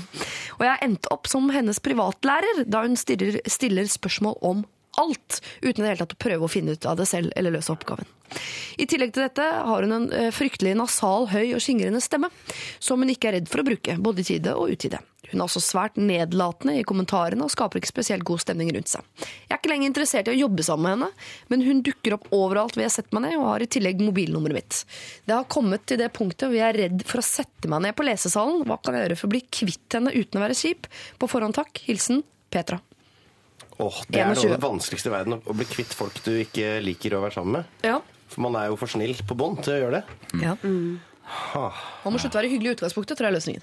Takk for Det meg. har du, der, der har du kjørt eller på der. Ja, men, altså, ikke bare er det en man ikke liker sånn privat, men plutselig så tar man seg selv i å øh, altså, Hun gjør jo ikke leksene hennes, men det er liksom snakk om å føle seg litt utnytta. Sorry at jeg er smartere enn deg. Og så er det bare én skoleklasse, én lesesal, og hun kommer til å treffe henne hele tida. vet du. Ja. Og da kommer du til å gjøre akkurat det samme som de har gjort, bare at hun sitter to pulter ved siden av. Mm. Hm. Dette her, Man kan, altså. man kan skli unna, kan man ikke det? Det tror jeg kanskje jeg gjør. Ja, fade At jeg, sånn, jeg bare fader og ikke tar telefonen når man ser at det er hun som ringer. Og alltid er opptatt og ikke kan. Og ikke er sånn kjempesnakksalig når man møtes på lesesalen. Og liksom bare, sånn at man etter hvert bare klarer å sjalte henne vekk. Mm. Kjøre taxi kaller jeg det der. Det tar litt lang tid, men eh, Man har jo kort tid på seg når man skal studere. Det tar jo gjerne et år, det der. ja, det tar kanskje litt Hvis hun er veldig ikke tar noen hint, så tar det lang For det gjør aldri de personene som uh, De som prater sånn! Nei, de gjør kanskje ikke det. Men det er jo på en måte Det er når hun jobber, det er da hun møter henne. eh, Så kanskje det går an å på en måte finne en annen ting å jobbe med også. At eh, det nesten går an å melde seg opp i et annet kurs, eller bare ha en, ha en bok eller to til som hun kan sjonglere med, som er veldig sånn du har ikke noe med trafikkskolebok T eller det, det japanskkurset jeg tar på si. Mm. Eller bare ha, ha en fysisk ting og si 'nå skal jeg jobbe med det', og så kan du ha den andre boka under, eller jeg vet ikke. Ja. Ja, for det er også en måte å fade ut på, bare at man fader ut litt fortere ved å gjøre seg selv For man, man kan jo gjøre seg selv gæren òg, at man sitter med sånn uh, Kamasutra-bøker eller sniper-bøker. At man virker sånn gæren, rett og slett. Eller at man gir mye, mye feil råd. Som at eh, hun stryker på studiet. Er det så slemt? Ja, jeg syns det er litt slemt. Ja, men det bør være nevnt. Er det, men er det, det er aldri noen som tenker at, eh, vi kan, at man kan være ærlig og si Å, ja. vet du, jeg er ikke så innmari glad i deg, jeg.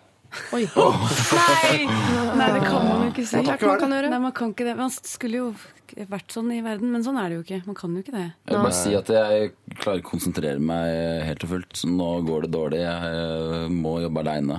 Jeg liker best å jobbe aleine. Det kan kanskje være noe. Ja, men så plutselig begynner hun å samarbeide med en annen i klassen. Da, for hun Ja, sier er at hun er jo egentlig litt avhengig av å jobbe sammen med folk, for det er et vanskelig studie. dette her. Men du er ikke avhengig av å jobbe sammen med folk som er dårligere enn seg. Nei, kan du si det, da? I et sånt forhold må man begge være symbianter. Jeg kan kanskje dra inn noen andre. Det høres ut som at hun er litt stuck med henne. Ja. Det høres ikke ut som hun må jobbe med veldig mange andre folk.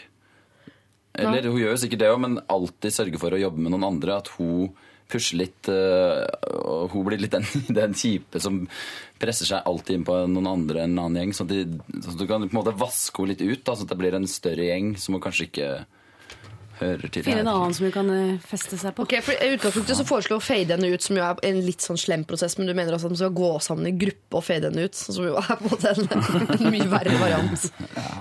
Hun er jo ikke slem, hun er bare eh, ikke fullt så eh, flink på skolen som innsender, og har en irriterende stemme. Det kan hun ikke noe for. uh, og hun vil ikke jobbe sammen med henne lenger. Men det er jo en fin anledning til å prøve å jobbe selvstendig, da. For det er jo kanskje problem to, at du, hvis du alltid må jobbe med noen, så bruker du ekstremt mye tid og energi på hele tida å finne ut av den kabalen. Hvem skal du jobbe med når? Så det er jo en fin anledning til å bare teste ut Ok, nå, jeg har bare jobba med folk. Jeg må prøve å være mer selvstendig. Og det går på bekostning av alle, inkludert deg. Hvorfor driver man ikke Nå avslører jeg jo eh, at jeg ikke har studert så himla mye, eh, men eh, det er jo noe slikt som heter kollokviegrupper, har jeg hørt. Kan man ikke ha kollokviegrupper hvor det, altså det krever en viss innsats for å osv.? Altså du må bringe noe til bordet. Kan ikke bare komme med en ulest bok og huet fullt av spørsmål. Jo, det syns jeg man kan. Men hva er matematikk, dette her? Eller realfag? Realfag? Det er sånn at da må ja, Realfag det er matte og naturfag og fysikk og Og det er ungdomsskolen versjon 2. Altså, 3-0. ja, ikke sant. Ja. Eh, Det er vanskelig, vanskeligere, da, for da samarbeider man jo ikke om prosjekter hvor man skal liksom levere et Man man skal bare lære dette her. Ja. Ja, for Man slutta med gruppearbeid når man var på universitetet? Eller? Jeg håper det, for det er den mest ubrukelige arbeidsformen som er oppfunnet noen gang. Det er dårlige greier. Det er snakk om at Da er det én flink som skal dra lasset for Ja, de andre. det Det, er det man driver med da. Er det ikke sånn i arbeidslivet òg? Jobbe i team, som det heter. Jo, akkurat sånn er det. Det hadde vært så mye bedre bare hatt radioprogram helt alene. Løst alle problemer i en fei istedenfor å ha masse motstand. Hvordan skal Petra bli kvitt henne uten å være kjip? Altså Hun ønsker ikke å være kjip. Prøv å jobbe selvstendig en måned. Ja, Altså fade ut-prinsippet. Det er litt kjipt, da. Ja. Det er, litt kjipt, men da, det er lettere å jobbe med noen andre hvis du på en måte har gått inn for en aleneperiode. Som kan være å, gi, gi, gi, seg sjøl et par uker hvor du kun jobber aleine. Hvor, du hvor du slipper å få det der problemet at du sitter med noen andre på lesesalen. Ja. Men kan man ikke si Man trenger ikke å si eh, eh, 'jeg liker deg ikke'. Gå bort. Nei, Det må man ikke det er si, tror jeg. Men man kan jo si du, nå har jeg brukt masse tid på å finne ut eh, av det og vil videre. Kan ikke du også finne ut av det sjøl? Mm. For da tipper jeg hun vil føle seg såpass dum at hun ikke tør å spørre igjen. Jeg, lik, jeg liker deg godt, men for at du skal klare deg i livet, så må du lære deg å bli selvstendig, du også. Jeg liker deg så godt faktisk at det er viktig for meg at du Og så videre. Det var det ingen som trodde på. Nei. Nei. Nei, er Petra, du ber om råd på hvordan du kan bli kvitt henne uten å være kjip. Og vi har gitt deg masse råd på hvordan du kan gjøre det og være kjip. For jeg tror ikke egentlig det er noen måte å gjøre dette her på uten å være Altså Jeg sier ikke at du er kjip, men det vil jo bli oppfattet som kjipt for henne du prøver å bli kvitt, uansett hvordan du gjør det. Om du tar eh, snikeren, eller om du tar den harde konfrontasjonen, eller hva. Men kanskje du skal bare takle å være litt kjip i de sekundene, og så, eh, så blir i hvert fall resten av året litt lettere. Eh, Da er du på en måte kvitt henne, da. Eh, Og så var du kjip det ene sekundet. Det er det klassiske. Plasteret må av, og så videre. Mm. Petra, lykke til. Eh, send oss en eh, oppdateringsmail på eh, hvordan det går. Har du brukt rådene? Funka det? Og videre. Det vil vi veldig gjerne vite. Da sender du det til samme mailadresse som du allerede har brukt, men jeg kan gjenta det hvis du har glemt det. lralfakrøll.nrk.no er det altså du bruker. da. Dette er Lørdagsrådet På P3. P3. Avicii der, altså. Hey Brother heter uh, låta. Uh, nok om det. Vi skal ta et uh, problem hvert øyeblikk fra en 28 år gammel uh, singel eh, en. som ber oss velge mellom tre mulige ting å gjøre i livet akkurat nå. Og Derfor spør jeg dagens rådgivere om dere klarer å huske akkurat hva dere gjorde når dere var 28. Ja. Ja, Da jobba jeg som vernepleier i en bolig i Oslo. I en bolig? Ja, det heter det. Det er hvor de, de eh, med autisme og sånn bor. eh, På avlasting. Avlastingsbolig. Ja, og da var du vernepleier, da. Det gjorde jeg da jeg var 28 år. Føltes det meningsfullt? Ja. Ja. Hvorfor slutta du? Fordi jeg ble programleder i Ble vi på TV? ja. ok, Det er jo det er litt gøyere. Antakeligvis. Ja. Ja. Eh, hva med deg, Line? Jeg, jeg bodde i Stavanger og spilte teater på Rogaland Teater. Rogaland. Jeg, Husker du hva du spilte? Øh, nei, Uh, jeg var der i tre år, da. Så jeg spilte mye forskjellig. Uh, tre søstre og sånne fine klassiske ting. Har du spilt i noen stykker som oss som så vidt går på kino har hørt om? Altså, da er det valg mellom to av Otello eller Romeo og Julie. Har du spilt i Syv søstre? var det jeg lurte på. Jeg har ikke spilt i Syv søstre, men bare tre. Eh, jeg spilte i Romeo og Julie, men ikke akkurat når jeg var 28. Jeg var kanskje 27-26. Spilte jeg da Julie. Altså helt irrelevant i forhold til Ja, det var ikke spørsmålet. Eh, nei, ja, For min del så blir det at da jeg var 28, så snakket jeg og snakka i Lørdagsrådet om uh, Oi! Er du 28 år? Er du 28 år nå? Du synes du er 50. Takk.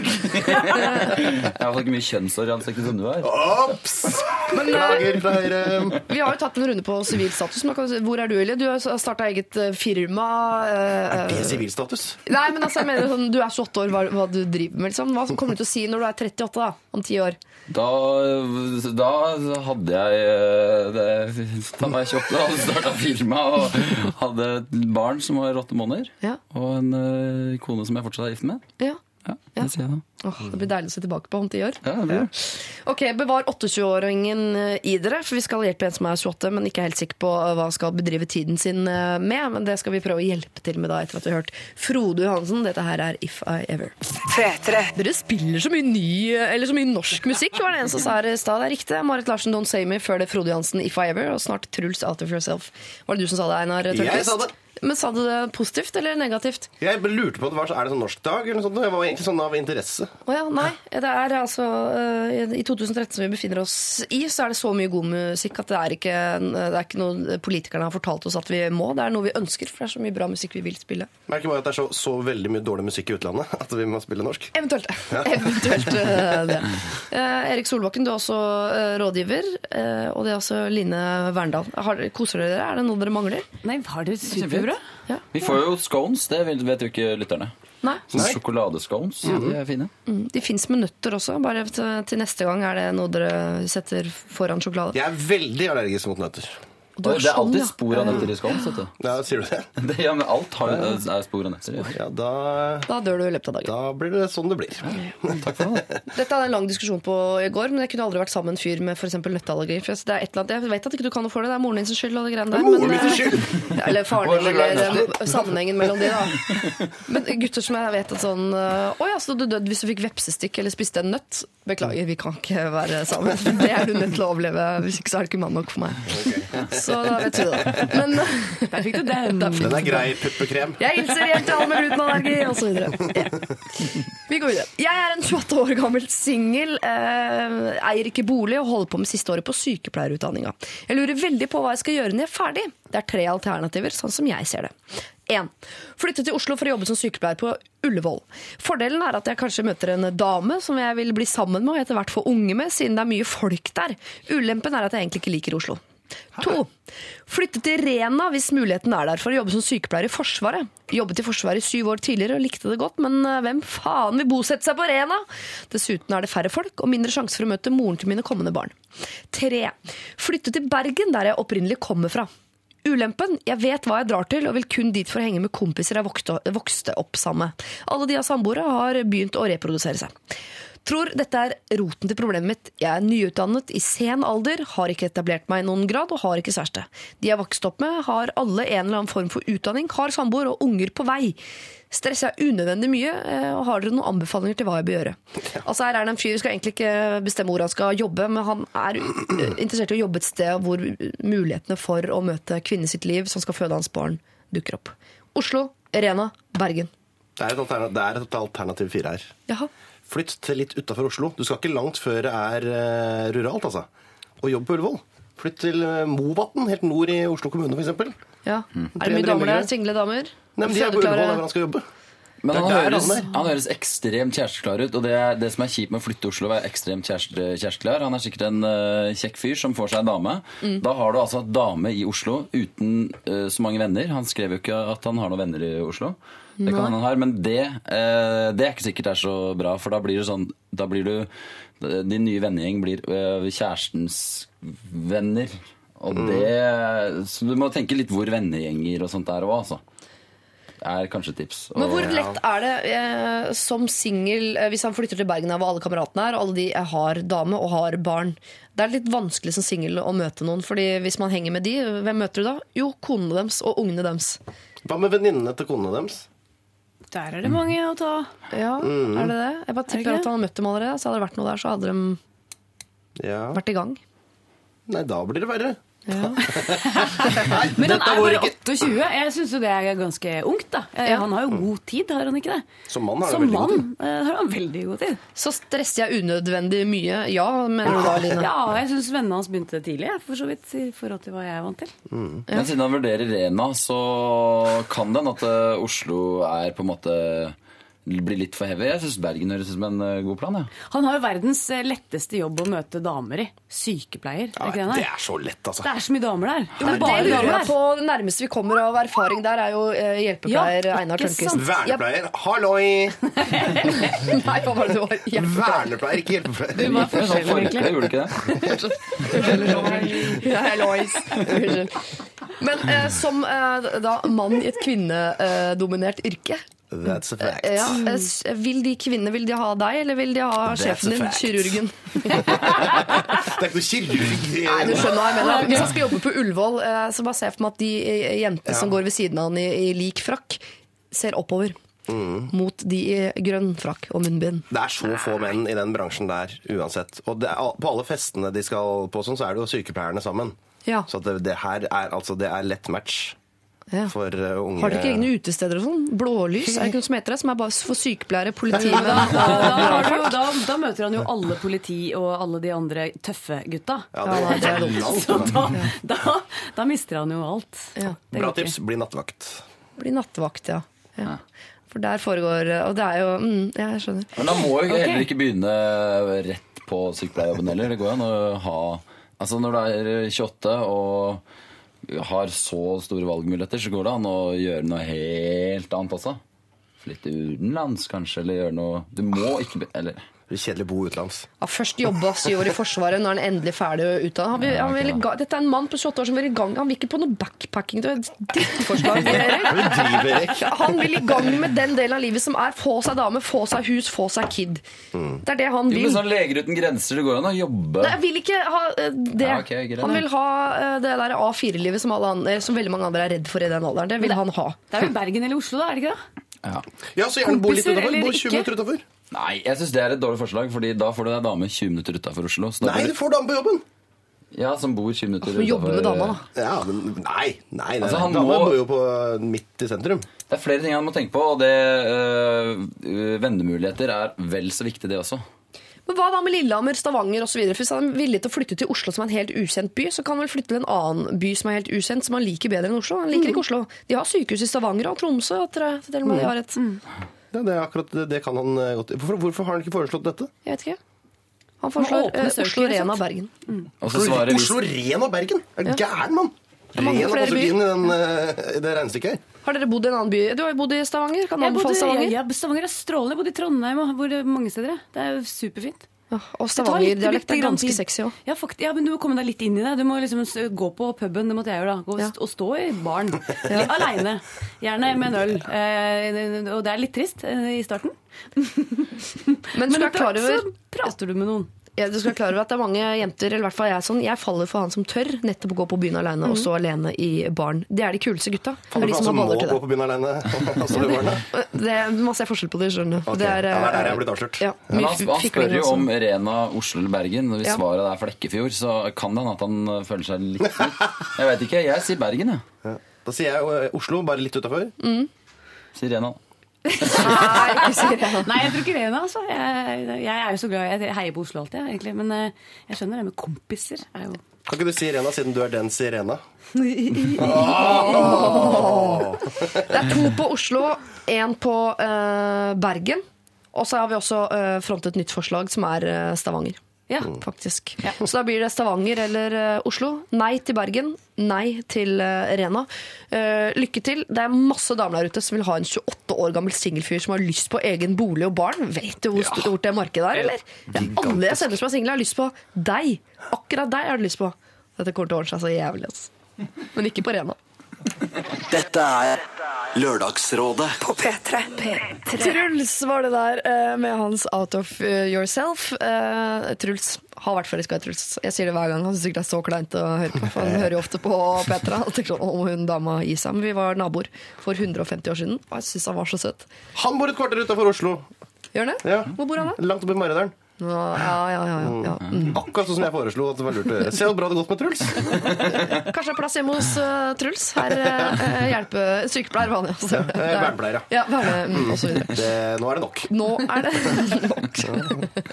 Dere skal få dele ut en T-skjorte, uh, Line, Einar og Erik. Og jeg skal da ta og ramse opp kandidatene i dag.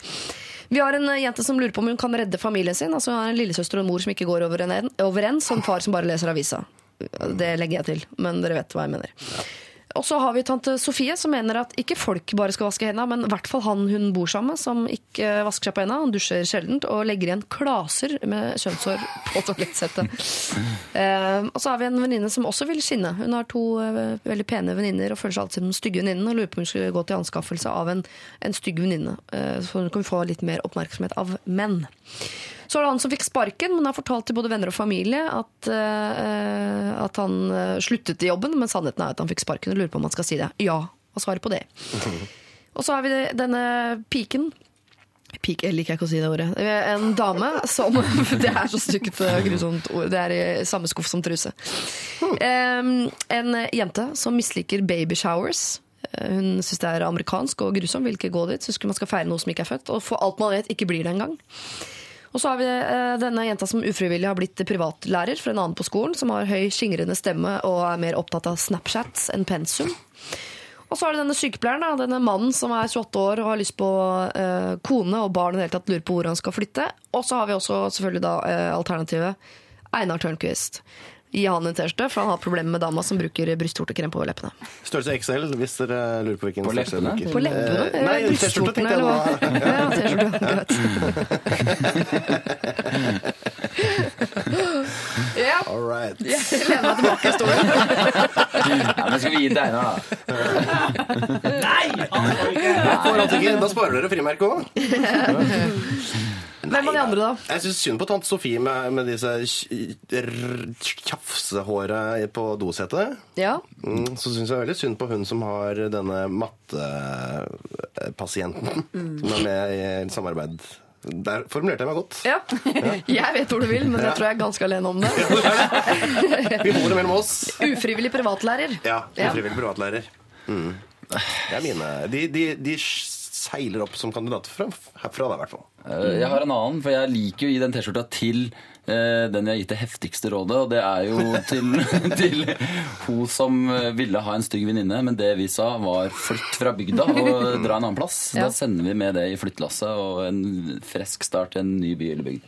Åh, da hadde jeg valgt Bø. Hvis du møter opp i Bø med P3-tørste, da tror jeg du blir pretty hot mama. Forrige gang var det, så snakka du også om Bø. For du om Bø? Det er gøy å være student i Bø, det føler jeg meg helt sikker på.